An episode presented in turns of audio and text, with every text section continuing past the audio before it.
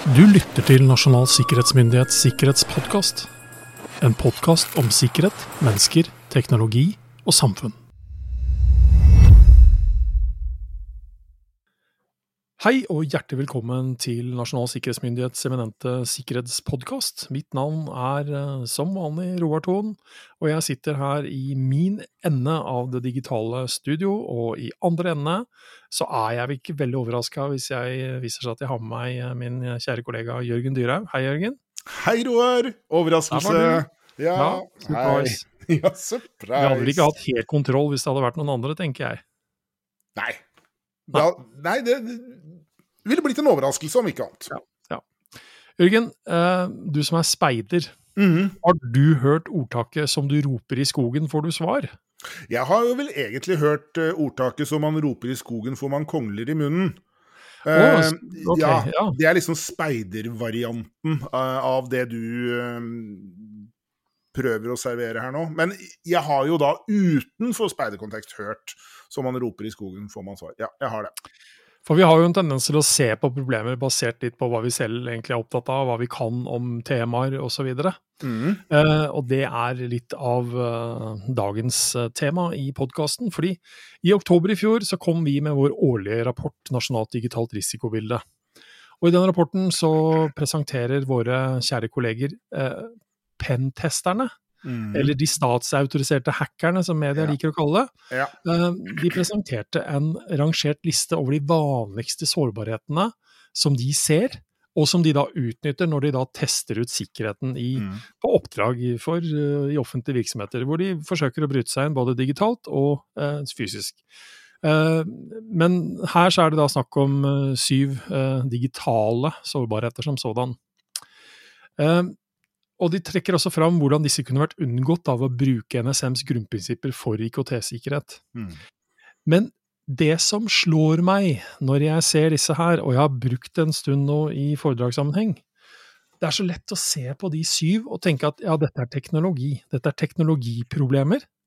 Det er en ding som ikke funker, liksom. Ja. Ja. Men er det egentlig det? Eh. Skal vi, skal vi ta, gå gjennom disse her nå, så skal vi, Ja, skal vi snakke skal vi litt se. om det. Se Fordi, dette faller ut. Kanskje litt sånn øye som ser, eh, manglende håper å si, helhetlig tankegang rundt det, jeg vet ikke. Men hvis man starter med det første, da, eh, og dette er jo da i eh, rangert liste, så vi starter nå med på topp én, Mhm. dårlige passord. Mhm. Altså mange brukere av systemer velger dårlige passord som det er for lett for da NSM eller andre å gjette og knekke. Og en trusselaktør trenger i realiteten kun å knekke ett av eh, alle de 100 trusselspassord som virksomheten har for å få tilgang, mm. avhengig da liksom av virksomhetens størrelse. Mm. Og da er det liksom, ok, dårlige passord. Ja. Hvem er det som setter det? Hvem bestemmer det? Ja, liksom? hvem bestemmer liksom. Hvem Ja. setter minimumskvalitetskravene til passord? Ja. I- Ikke systemene. Det er det Nei, faktisk altså- altså, du kan- mennesker du som kan jo- kan gjøre. Så for meg så er dette her åpenbart. Det er, dette er mennesker, dette er prosesser, det er eh, rutiner, det er krav, det er oppfølging. Altså, dette er liksom det, er, ikke det, er, det er en beslutning. Ja, noen må ta en beslutning. Noen må ta en beslutning. Eh, og eh, det interessante er jo at eh, vi har jo da beskrevet akkurat dette da i, i grunnprinsippene. og Der anbefaler vi jo tiltak. Bruk et sentralt verktøy for å kontrollere passordkvaliteten opp mot virksomhetens sikkerhetskrav. Ja, Og da- de sikkerhetskravene kan bestemmes av noen. Du skal ha 140 tegn i passordet ditt. Det er klart at ja, da er det ikke noe vei utenom, da. Og så må du ha, faktisk ha noen som tar den beslutningen, at man faktisk skal bruke et verktøy for å kontrollere dette. Mhm, ikke sant? ikke Altså, så, så, så igjen eh, Jeg tror det er veldig enkelt å liksom se for enkelt på noen av de problemstillingene vi egentlig står overfor. Ja. Um, og nummer to eh, er jo også passord. Da. Eh, det er lagrede passord. Eh, mange virksomheter lagrer passord i filer som alle har tilgang til.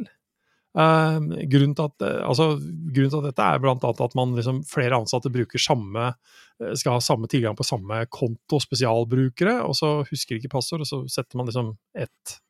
Og så lagrer man da en liste for at folk skal enkelt bruke dette her. Ja. Og igjen så er det jo, dette er jo menneskelig atferd, Ja. rett og slett. Ja.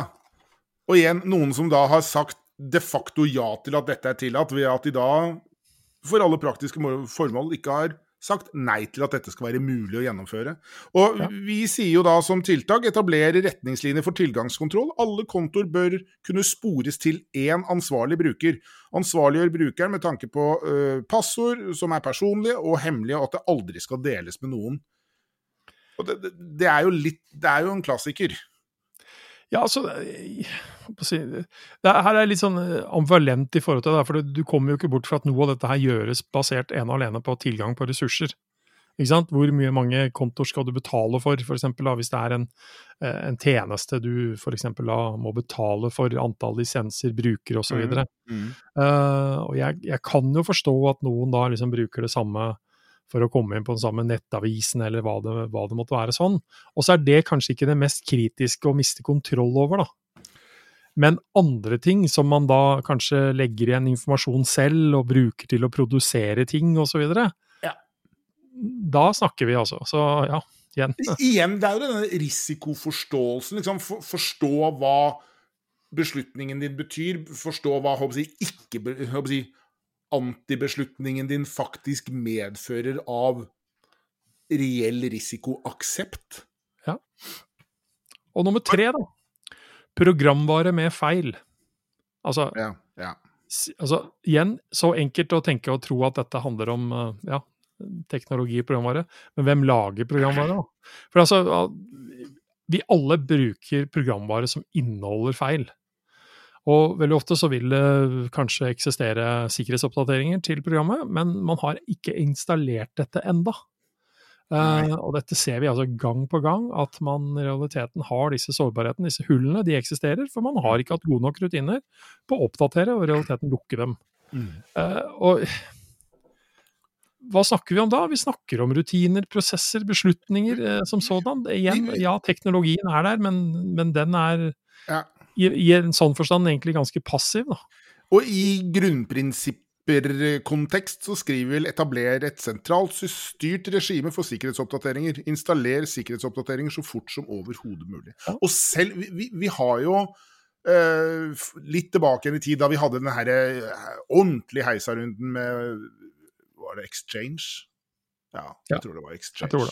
Og liksom, selv med alt vi sa, alt vi gjorde, alt vi promoterte, alt vi Og ikke forklarte og ikke bare vi, men liksom absolutt alle andre, så er det, så er det da brukere, eiere, forvaltere av dette systemet som liksom står der med fingrene i nesa og ser på deg med litt sånn eh, sauestirr og skjønner egentlig ikke at det vi faktisk forteller deg, gjelder deg. Og, ikke sant? og da, ah, da, da blir det vrient, da. Da tar det litt tid å få på plass en sikkerhetsoppdatering som vi forteller deg at du faktisk må få på plass, men du skjønner ikke at vi snakker til deg. Nei. Nei, nei. Nummer fire, passordgjetting mot passorddatabase. Altså rett og slett at virksomhetene har eh, systemer som er konfigurert sånn at det er praktisk mulig å gjette passord mot alle brukerne i virksomhetens passorddatabase. Ja. Og selv om man har satt opp dette liksom, antallet gjetninger per time liksom, lavt, da, så vil man veldig ofte kunne klare å gjette seg fram til passord og likevel.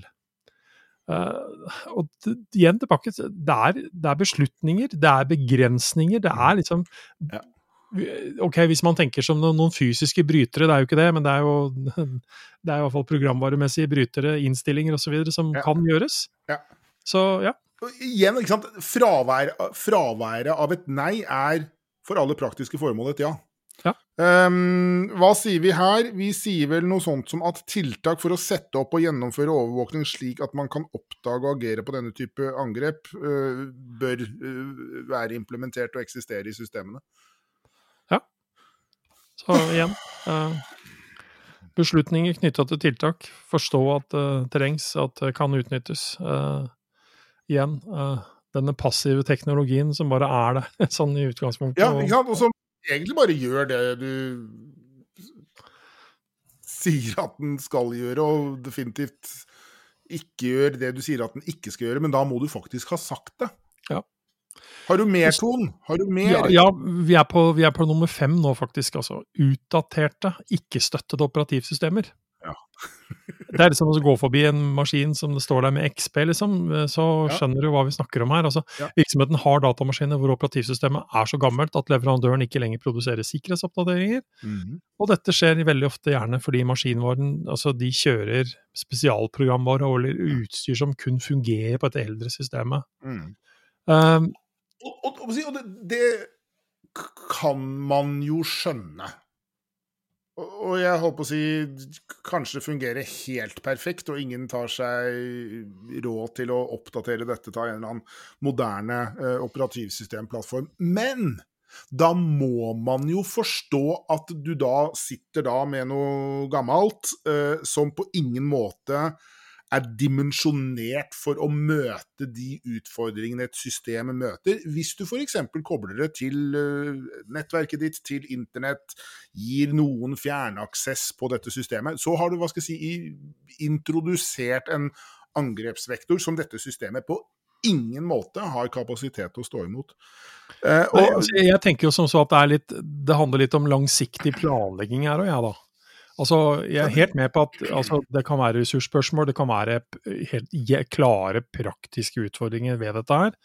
Men, men samtidig så er det litt det å tenke på, på, på et litt sånn livsløp eh, av det vi bruker av teknologi. Igjen tilbake til altså, menneskelige beslutninger, prosesser, rutiner. Mm. Og liksom eh, Erkjennelsen av at dette er gammelt, dette skal få lov til å slippe å leve et liv på internett, det kommer da med en del sånne praktiske utfordringer. Du må faktisk inn til der den serveren står og gjøre et eller annet, hvis du må gjøre et eller annet med den boksen. Du, du kan ikke gjøre det fra fjernt ifra. Men det er klart at dette har vi også prøvd å fange opp i grunnprinsippene, og vi anbefaler jo da å kartlegge operativsystemer i virksomhetens nett. Det vil enten være mulig å oppgradere til et nyere operativsystem, eller isolere utstyr som ikke kan oppgraderes. Og så må man liksom forstå og ta inn over seg da ulempen det siste punktet medfører, hvis det da må airgappes, da, som det vel kan kalles. eh, Liksom kobles av nett fordi det ikke er mulig å sikre det på noen annen måte enn å mure det inne. Og så er nåtid som gjelder, tenker jeg også. Det, liksom, det holder ikke å si at vi har et prosjekt på gang som skal bytte ut dette om halvannet år. Det er fint at du gjør det, altså Ja. fint at du har det prosjektet, men, men det du allerede har, og som står og tusler og går, det må Mm. beskyttes i nåtid. Så, så, så Ja, det er, liksom- ingen, det er ingen som bryr seg om at du har et Nei. prosjekt som ligger halvannet år fram i tid. Så det er, det er litt det å gjøre ting med begge hender her, altså både i et kortsiktig og et Ja, ja. langsiktig perspektiv. Da. Det er ingen cyberkriminelle som sier men da venter vi halvannet år før vi kommer tilbake. Nei, ja, ikke sant. Å ja, nei, da, Sorry. Beklager. da trekker vi oss stille og rolig ut. Ja. Eh, nummer seks, gamle systembrukere. Eh, Nå altså- snakker vi ikke om folk og alder. Nei, vi gjør ikke det. Uh, men det, det kan jo ha betydning med at de plutselig er blitt gamle systembrukere, at de har gått av for alder, for å si det sånn. Det kan, For det kan være mange grunner til at systembrukere er inaktive, som f.eks. at folk slutter. da. At systemer ikke brukes lenger, at leverandører byttes ut. Uh, Så ofte så henger disse brukerne igjen i systemet. Og ofte så har de da også, pga. nummer én egentlig av denne lista vår, så har de også ofte passord som kan, enkelt kan knekkes.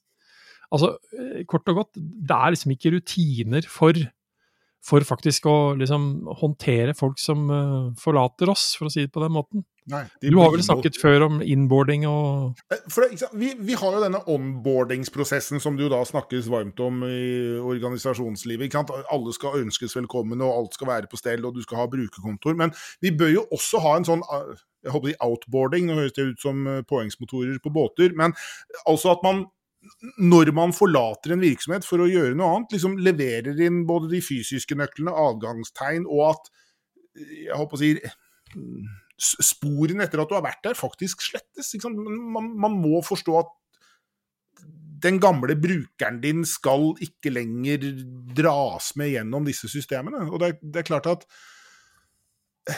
det, det, Jeg opplever jo dette som helt åpenbart, men det, er tydelig da at det, dette er noe det svikter på.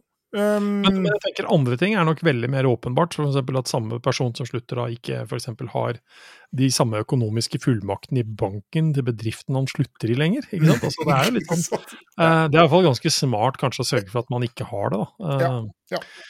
Men uh, syvende og siste, um, sårbare tjenester og protokoller. Mm. Altså En trusselaktør med tilgang til virksomhetens nett vil ha muligheter til å utnytte sårbare tjenester som kjører i nettet. For eksempel så kan det være mulig å avlytte trafikk, overta kommunikasjon eller forfalske meldinger. Eh, her er det jo til syvende og sist altså, Dette er kanskje et av de nærmeste sånn Jeg tenker sånn som blir litt sånn teknologisk, da, for her trengs det en teknologisk forståelse av hva som kan være smart, mm. og, å ha en sentral styring på hvilke mm. beslutninger mm. man skal ta. Ja.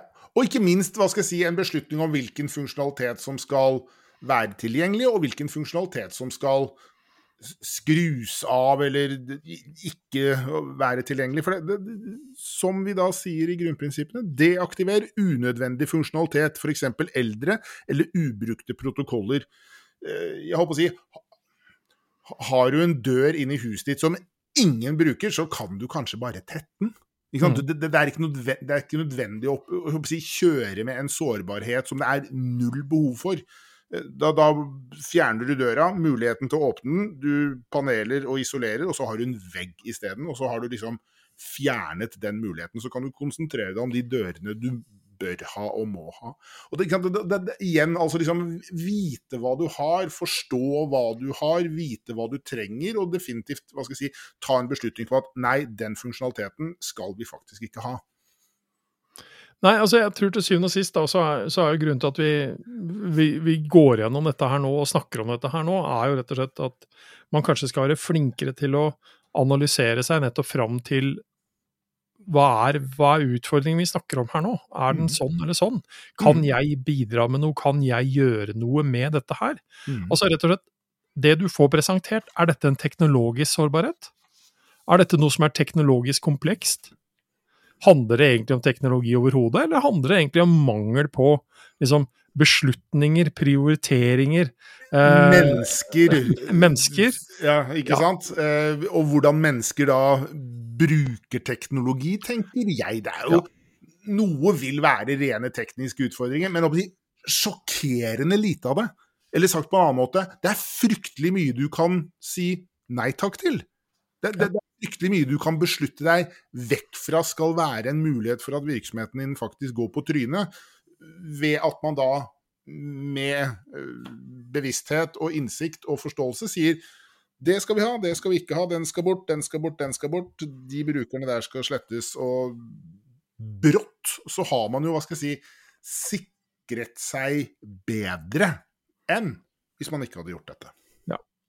Så til syvende og sist, dette handler om mer enn bare en teknologi. Det handler om, som Jørgen allerede har sagt, det handler om mennesker. Det handler om teknologi, og det handler om gode prosesser, rutiner.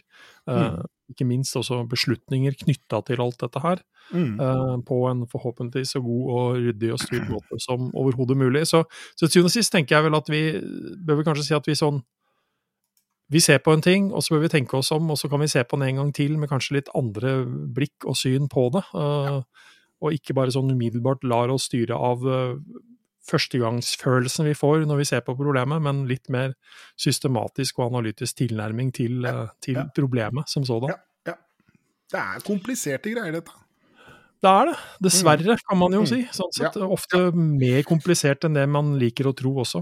Ja. Men uh, der runder vi av for ukas episode. Vi dukker garantert opp med mm andre ting å diskutere, kanskje med gjester. Eh, hvem vet eh, hvor eh, Haren, vet ikke. Nei, det er ikke påske riktig ennå. Nei, det er ikke det. Nei. Vi snakkes, Jørgen. Ha en trygg og sikker dag. Takk det samme, Roar.